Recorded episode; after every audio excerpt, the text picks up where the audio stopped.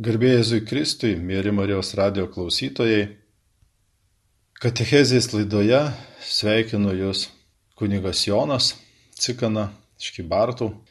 Katechezės tema - Advento herojai. Prašykime, kad viešpats apšviestų mūsų širdis, kad mes atpažintume Advento laikę mums duodamos liturgijoje, ypatingai Dievo žodžio skaitimuose, mums iškeliamus švento rašto herojiškų, kurie ypatingai laukė Kristaus Dievo pažadėto mesijo atėjimo, kaip jie jį pranašavo, kaip jo laukė, kaip atpažino, kad mes iš to pasimokytume ir panašiai galėtume eiti sutikti Kristų. Tad adventas esas laukimas Pats žodis laukti mus kviečia atkreipti dėmesį, ko ir kaip laukiu. Kad galėčiau laukti, turėjo būti pirmasis impulsas - kažkas tikėtina ar viltinga, o gal net pažadėta. Mūsų gyvenimas labai tampriai susijęs su laukimu. Pats ateimas į šį pasaulį vyksta per laukimą. Motina laukėsi kūdikio, taip sakome ir su šeimos nariais laukia mūsų, kol išvysta, sakyčiau, jau nemažus.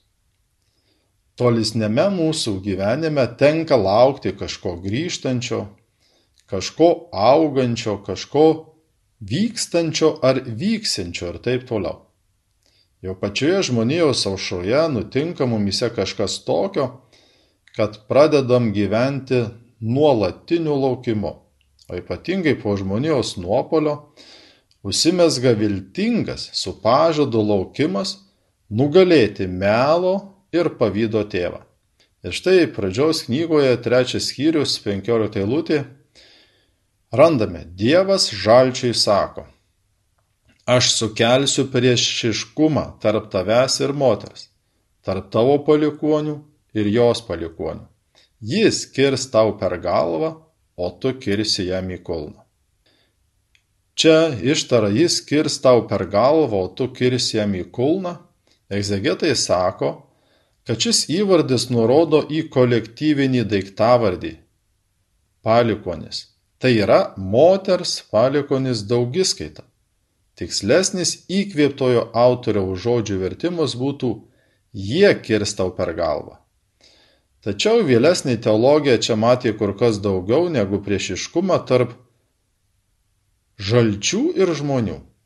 Ilgainiui žaltys buvo suprastas kaip šėtonas ir jau išminties knygoje antras skyrius 24 eilutėje randame rašant, juk Dievas sukūrė žmogų, kad būtų nemarus, padarė savo amžinybės paveikslu bet per velnio pavydą mirtis atėjo į pasaulį ir jo bičiuliai draugėje tai patiria.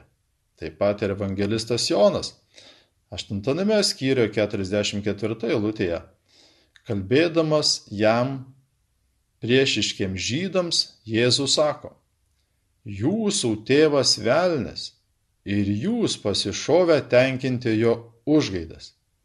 Jis nuo pat pradžios buvo galvažudys ir niekuomet nesilaikė tiesos. Jame ir nėra buvę tiesos. Skleisdamas melą jis kalba, kas jam sava, nes jis melagis ir melo tėvas. Panašiai šitonas pristatomas ir apreiškimo Jonui knygoje 12 skyrius 9 eilutė. Tai buvo išmestas didysis libinas, senoji gyvatė vadinamas velniu ir šėtonu, kuris suvedžiodavo visą pasaulį. Jis buvo išmestas žemyn ir kartu su juo buvo išmesti jo angelai, kurio būsimą nugalėjimą, sutriuškinimą vaizduoja galvos ir kulno kontrastas. Kadangi pasirodė Dievo sūnus, kad velnio darbus nugalėtų,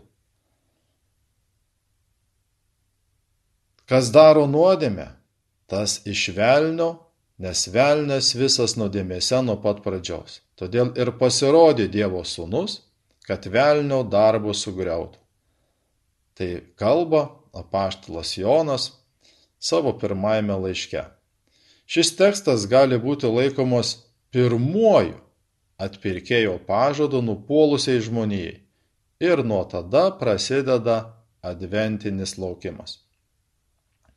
Vėliau žmonijos istorijoje tragedija santykyje su Dievu tik didėja, praraja tarp kūrėjo ir kūrinio žioji vis didesnė ir didesnė.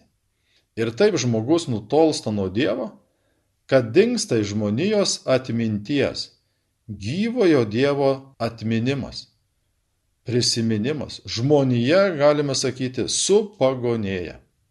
Ir pirmas mums toks kaip adventinis herojus šventajame rašte atsiranda Abrahamas. Su pažado įsipildymo laukimu tapti palaiminimu visiems, kurie jį laimins. Ir šio pažado įsipildymo laukimas išsitempia į visą Izraelio tautos gimimą, vystimąsi augimą ir žlugimus. Ir tęsiasi iki naujosios Jeruzalės užgimimo Dievo karalystėje. Kad mums patiems pasidarytų įmanoma save atpažinti advento herojais, eikime prie kitų konkrečiai į laukimą mus nukreipiančių asmenų. Dievo tautos pranašai užduodantys viešpaties misiją žmonėms laukti ypatingo gelbėtojo, mesijo, kuris atitiks viešpaties širdį pilnai. Karalių Dovydą Lukas apaštlų darbuose pristato kaip atitinkantį Dievo lūkesčius. Apaštlų darbai 13 skyrius 22 lūtį. Pašalinęs Saulių, jis pakėlė jiems karaliumi Dovydą, apie kurį pasakė, radau Dovydą, Jesės sūnų, vyrą pagal savo širdį, kuris įvykdys visus mano norus. Tačiau Dovydui nepavyksta pilnai atliepti Dievo lūkesčius ir Dievas jau per pranašą Nataną duoda jam pažadą sakydamas, aš paėmiau tave iš ganyklų, nuo avių kaimenės būti mano tautos Izraelio vadovu. Buvau su tavimi, kur tik tu ėjai, ir pašalinau visus tavo priešus tau iš kelio. Be to aš padarysiu tavo vardą taip garsų, kaip yra garsus vardas didžiūnų žemėje, o savo tautai Izraeliui paskirsiu vietą ir juos tvirtai pasodinsiu, kad saugiai gyventų ir daugiau nebebūtų varginami nedori žmonės nebeengsiu daugiau kaip kadaise. Nuo to laiko, kai savo tautai Izraeliui paskyriau teisėjus, aš duosiu tau ramybę nuo visų tavo priešų. Viešpats sako, kad jis viešpats padarys tau namus, kai pasibaigs tavo dienos ir tu atgulsi su savo protėviais, aš pakelsiu po tavęs palikuonį kilusį iš tavęs ir padarysiu tvirtą jo karalystę. Jis pastatys namus mano vardui. Aš padarysiu jo karališką sostą amžiną. Aš būsiu jam tėvas, o jis bus man sūnus. Randame antroje Samuelio knygoje, 7 skyrius, 8-14 eilutės.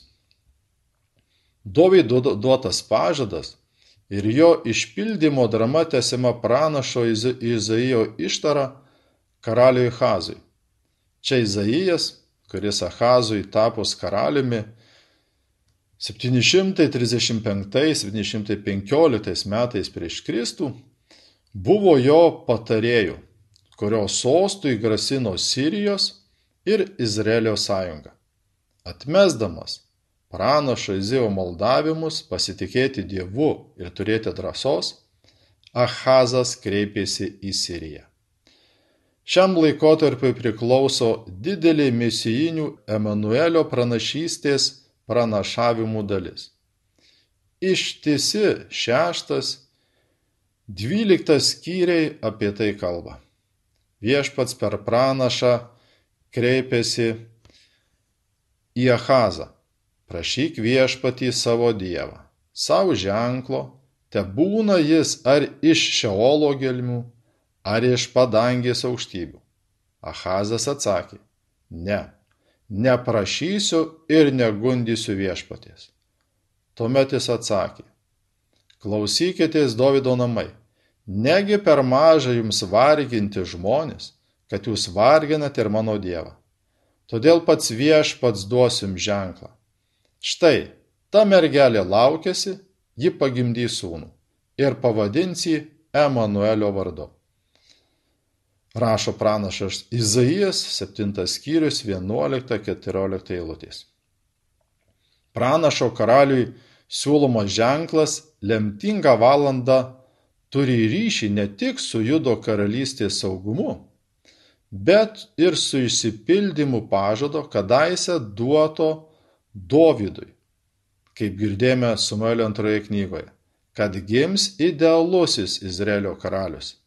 Emanuelis hebrajiškai Immanuel tai yra su mumis yra Dievas laiduoja ir Judo karalystės saugumą ir Dievo pažado įsipildymą. Krikščionybė, sekdama evangelistų matu, tiki, kad šis ženklas tapo tikrovę Betlėjaus Kristuje ir mergelėje motinoje. Taigi, Emanuelio ženklas turi dvigubą prasme. Pirma, ženklas būsimo Hazo įpinio Jezekijo gimimas – Izraelio viltys rėmėsi į Dovido dinastijos išlikimą. Antras ženklas - idealiojo Dovido įpinio gimimas. Iškilmingas pranašystės tonas ir simbolinis kūdikio vardas rodo, kad pranašui šis gimimas reiškia daugiau negu Dovido dinastijos išlikimą. Pranašui yra svarbu pasakyti, kaip Dievas lemiamai įeina į istoriją įkurdamas mesijinę karalystę, kurios apibūdinimą randame vėlesniuose Izaijo knygos skyriuose. Emanuelio pranašystė viršyje Hezekijo asmenį. Naujasis testamentas, ypatingai evangelistas Matas, cituoja pranašą Iziją, pristato mergelės ir Emanuelio pranašystės įsipildymą. Ir čia evangelistas Matas, ketvirtas skyrius, penkta, šešiolikta eilutės, pratęsia ra, rašto įsipildymu sakydamas. Įsipildė pranašo Izaijo žodžiai. Zabolono žemė ir Naftalio žemė, pažerės juosta, žemė už Jordano, pagonių Galilėja, tamsybėje tūnanti tauta išvydo skaičią šviesą. Gyvenantiems auksmingoj mirties šalyje užtekėjo šviesybė. Čia evangelistas, cituodamas pranašą Izaiją, 8 skyrių, 23 eilutę, pradedant ir baigiant 9 skyriaus 1 eilutę, panašiai yra paštalas Jonas kalba apie šviesos ateimą į pasaulį su Jėzaus ateimu. Evangelija pagal Joną, 1 skyrius 5 eilutė. Čia išvelgia pranašystę apie Jėzaus Kristaus gimimą. Toliau grįžtant prie mergelės, ta mergelė hebrajiškame tekste rašoma Ha-Almach. Tai yra ta jauna moteris. Istoriškame kontekste Ha-Almach yra Ahazo žmona, sosto įpėdinio Hezekijo motina. Tačiau septogintos vertime rašoma ha-almak verčia žodžiu he pertenos, ta mergelė. Toliau Izaijas plėtoja ir pristato, kaip atrodys Emanuelio mesijo valdymas. Izaijas 11, 1, 9 eilutės. Iš Išajo kelmo išauks atžala. Išajas, Davido tėvas, Kelmos atžala po Babilonijos tremties Dovido dinastijai liks tik Kelmas, iš kurio atauks nauja atžala mesijinis karalius. Iš šio šaknies pražys pumparas. Ant jo ilsėsis viešpaties dvasia. Ir štai šis tekstas davė prastinius vardu šventosios dvasios dovanoms. Septo gintar vulgata pirmąją baimę verčia žodžiu pamaldumas taip pasidaro septynios šventosios dvasios dovanos. Ir pranašas rašo, dvasia išminties ir įžvalgos, dvasia patarimo ir narsumo, dvasia pažinimo ir viešpaties baimės. Jo džiugesys bus viešpaties baimė. Jisai ne pagal išorę teis, ne pagal nuogirdas spręs. Pagal teisumą teisis vargšos, nešališkai įspręs krašto vargdienių bylas. Savo burnos rykštę nuplak žemę, savo lūpų pūstelėjimu atneš mirtį nedoreliui. Teisumas bus jo juosmens diržas, ištikimybė jos trėnų juosta. Čia idiliškas atsivers rojaus darnos vaizdas, visuotinės taikos ir teisingumo simbolis mesinėje karalystėje. Pranašas toliau rašo.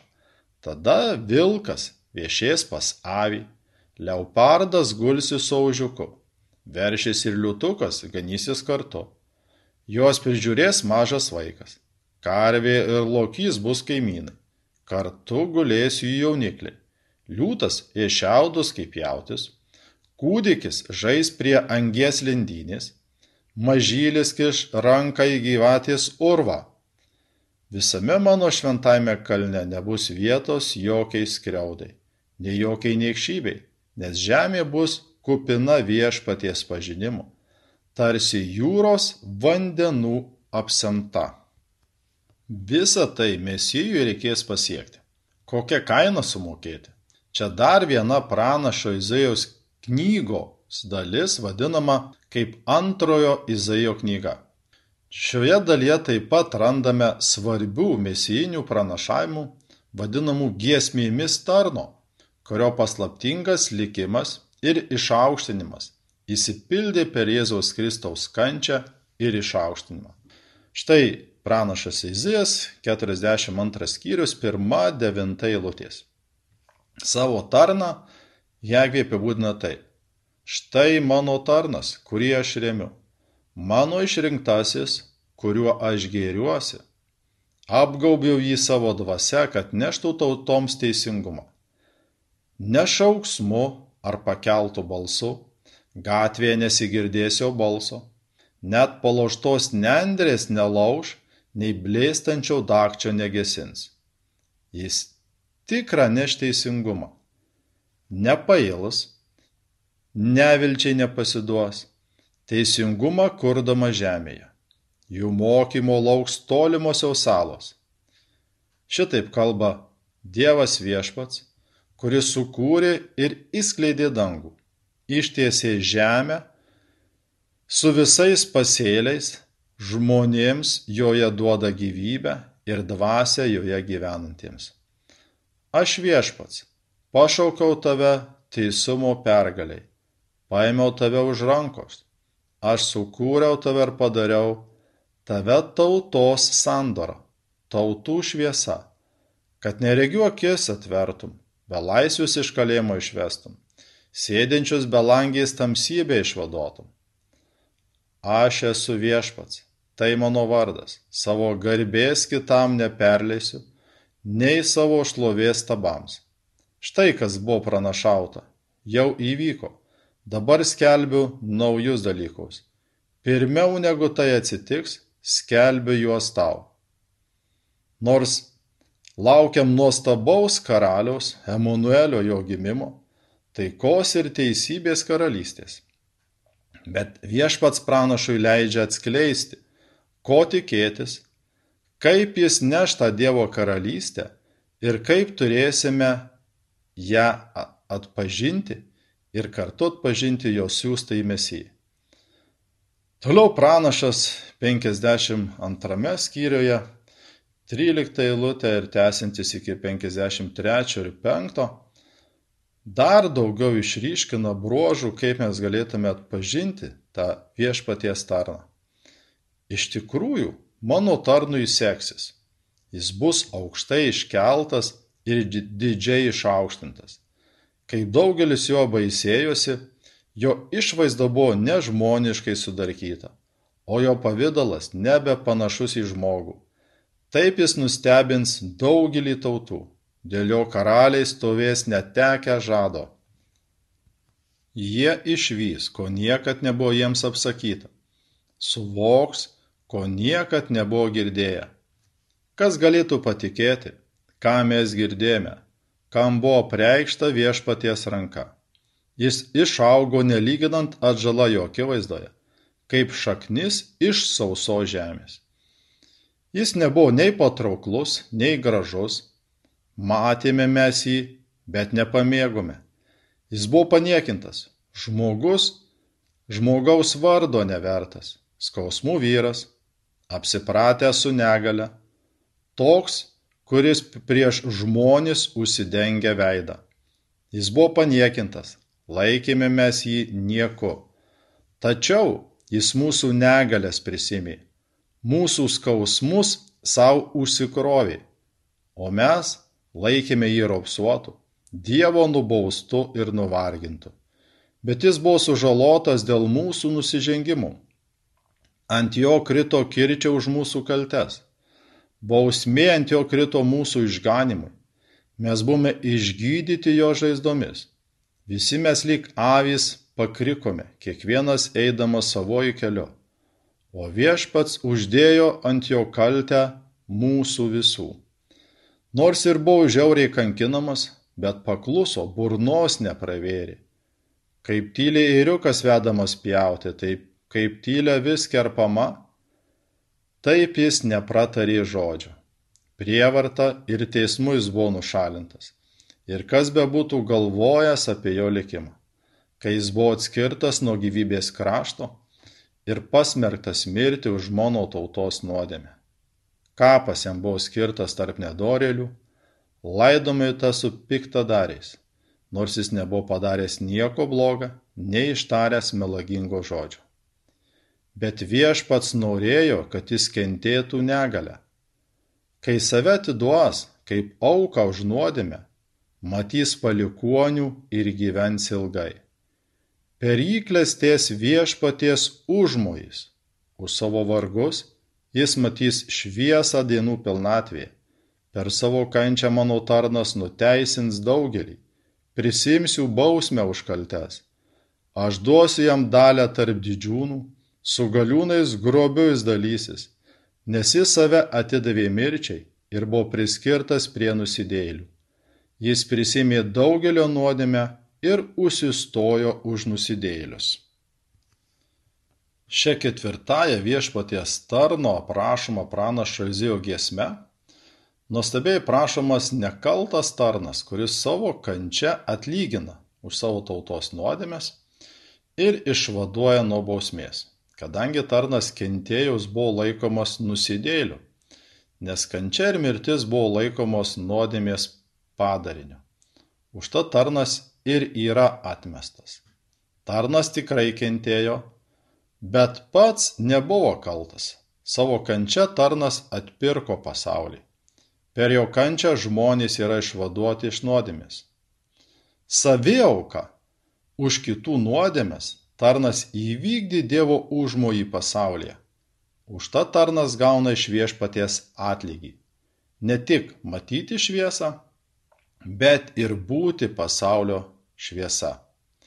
Ši tarno giesmė, pranašystė, tobulai įsipildė Jėzuje Kristuje. Ir ji mums atskleidžia Jėzaus charakterį, ir kurio antro ateimo laukiame advento laukime. Taip pat atkreiptinas dėmesys ir į kitus pranašus, kuriuos mums pasufleruoja Naujasis testamentas, kur randant ir gimusį kūdikį užtvirtinama, kad įsipildė rašto žodžiai pasakyti pranašų lūpomis.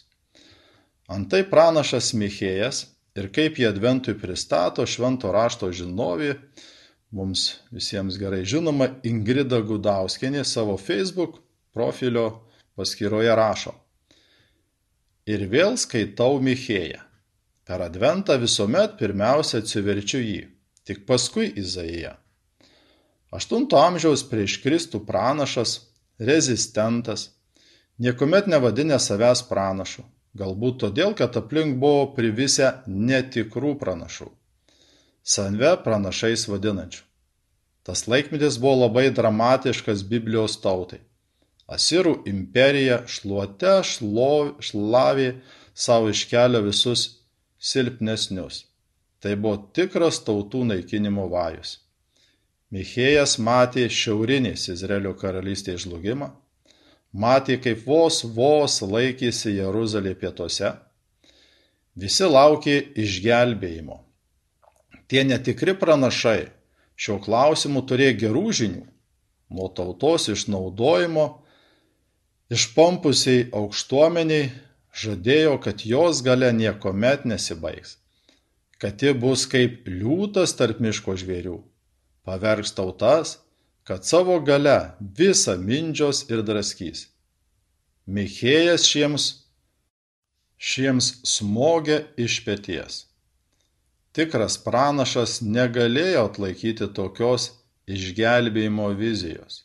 Jis sako, kad išgelbėjimas ateis visai ne iš ten, kur sutelta žemiška gale ir pasipūtimas, visai ne iš centro, ne iš tų, kurie savo rankose laiko kardą ir kalaviją.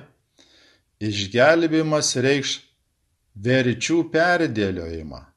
Ir šis naujas tikrovės įkainavimas kabutėse bus tikras šokas visai visa ko turėjimo sistemai. Iš pažiūros saugiai, bet išties tokiai trapiai. Tokioje atmosferoje, tikrose pažiūrų grumtynėse, gimsta viena gražiausių Seno testamento mesijaninių pranašyščių. O tu, Efratos Betlėjo, mažiausias tarp judo kaimų, iš tavęs man kils tas, kuris valdys Izraelį. Jis tvirtai laikysis ir ganys savo kaimenę viešpaties jėga. Jis pats bus taika. Jokūbo likutis tuomet bus tarp daugelio tautų, kaip viešpaties siunčiama rasa. Tai keletas eilučių iš pranošio Michėjaus penktos skyriaus. Visa jo ir netikrų pranašų diskusija Išgelbėjimo klausimų rasite pranašas Michėjus 4-5 skyrius. Būkite atidų skaitydami. Tekste supinti du visiškai priešingi požiūriai - Michėjo ir netikrų pranašų balsai. Reikia pastangų, kad atsirinktume, kaip ir gyvenime. Paklausykime Ingridos patarimo. Paskaitykim pranašo Michėjo 4-5 skyrius ir pabandykim atskirti, kur kalba pranašo ir kur netikri pranašai kalba. Jei nepavyks atpinti, tai būdami nuolankus ir mandagus Facebooko vartotojai, parašykim Ingridai, paprašydami jos pagalbos ir jei sulauksim atsakymo, bus mums nuostabiausias adventinio laukimo stebuklas gimęs suvokimu Dievo žodžio. Kartu pranašas Michėjas atskleidžia Dievo mesijo žmogiškos kilmės paradoksą, kurį net ne iš karto iš rytų atvykę išminčiai įminė ir sukėlė karaliaus rūmams ir visai to meto Jeruzalė apstulbimą, kaip prašo evangelistas Matas. Ir tik vėliau pasitelkus rašto aiškintojus, jie nurodo į šią pranašo Michėjo pranašystę. Ir vieta Efratos Betliejų. Ir ten išminčiai nuvykę randa gimusį kūdikį. Dar vienas iškilus advento herojus - Jonas Krikštytojas. Jo pradėjimo žinia Zacharija pasiekia per angelą Gabrielių, kaip ir vėliau Mariją. Tik laukimo rezultatai kitokie - Zacharijas nebylys, iki gims kūdikis, ir tik gimus prabyla šlovinimu, vadinama Zacharijo giesme. Zacharijo giesmė, nors nėra sudaryta iš Seno testamento pranašyščių ar psalmų citatų, vis dėlto yra joms labai gimininga. Pirmoji jos dalis - padėka Dievui globojusiam išrinktąją tautą praėjusiais amžiais. Antroji dalis - ateities vizija, kurioje skelbiama Jono Krikštytojo ir Jėzaus išganinga veikla. Jono misijos vykdymas, sakyčiau, nebuvo lengvas. Kaip rašo evangelistas Lukas, pirmajame skyriuje, jau 80 eilutėje, o kūdikis augo ir jo dvasia tvirtėjo, jis gyveno dykumoje iki pat savo viešo pasirodymo Izraeliui dienos. Ir turėjo būdėti, būti budrus Dievo žodžiui, kad kaip toliau pažymė Lukas, trečias skyrius antra trečia eilutės, penkioliktais Ciesoriaus Tiberijaus viešpatavimo metais pasigirdo viešpatie žodis Zacharijo sūnui Jonui dykumoje. Jis apėjo visą pajordanę, skeldamas atsivertimo krikštą nuodėmėms atleisti. Plūstant minioms, Jonas turi ir toliau būdėti ir atpažinti tą, kuris neš Dievo karalystę. Jo vieša veikla buvo garsi, kai kunigai ir levitai klausia, pažymė evangelistas Jonas, pirmas skyrius 19.34 eilutės. Kas tu esi? Jis prisipažino nesigindamas. Jis prisipažino, aš nesu mesijas. Jie vėl klausė, tai kasgi tu, gal Elijas?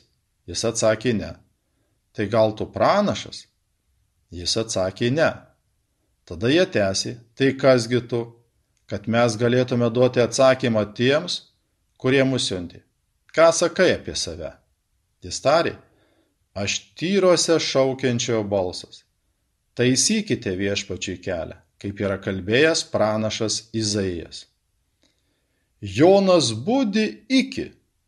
Ir toliau Jonas rašo, rytojaus dieną, matydamas ateinantį Jėzų, Jonas prabilo.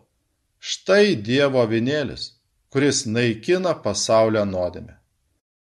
Čia tasai, apie kurį aš kalbėjau. Po manęs ateis vyras, pirmiau už mane buvęs, nes jis pirmesnis už mane. Aš jau nepažinojau, bet tam, kad jis būtų apreikštas Izraeliui, aš atėjau ir krikštų į vandenį. Ir Jonas paliūdėjo.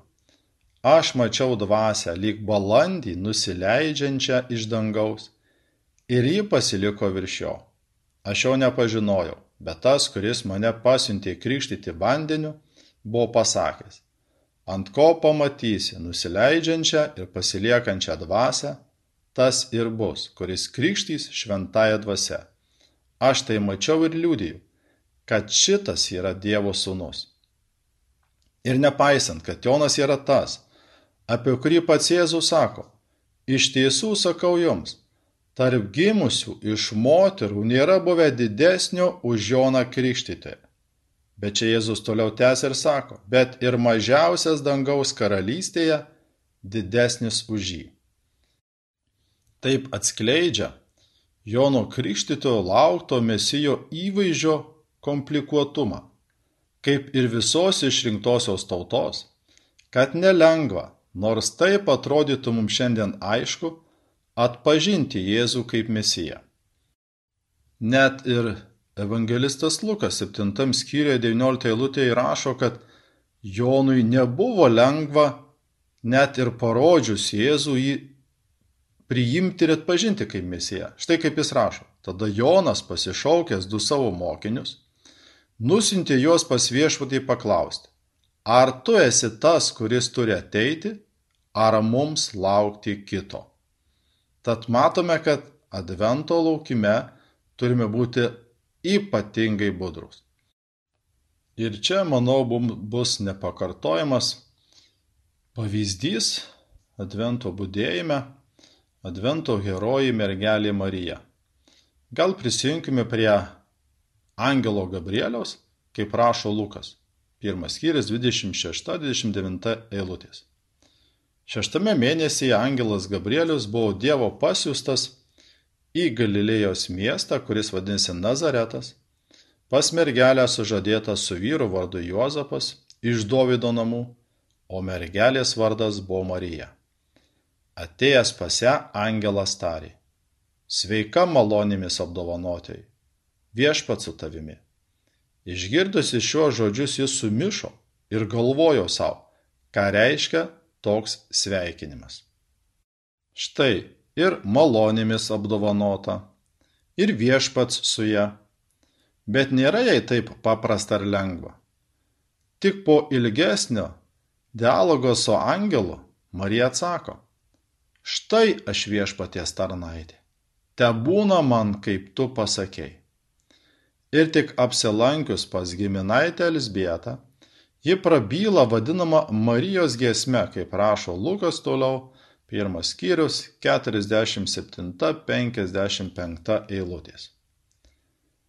Marija prabyla, mano siela šlovina viešpatį, mano dvasia džiaugiasi Dievu savo gelbėtoju, nes jis pažvelgė į nuolankę savo tarnaitę. Štai nuo dabar palaiminta mane vadins visos kartos, nes didžių dalykų padarė man viešpats ir šventas yra jo vardas. Jis maloningas iš kartos į kartą tiems, kurie jo klauso. Jis parodo savo rankos galybę ir įsklaido iš didžio širdies žmonės. Jis numeta galiūnus nuo sostų ir išaukština mažuosius. Alkstančius gerybėmis apdovanoja, turtolius tuščiomis paleidžia.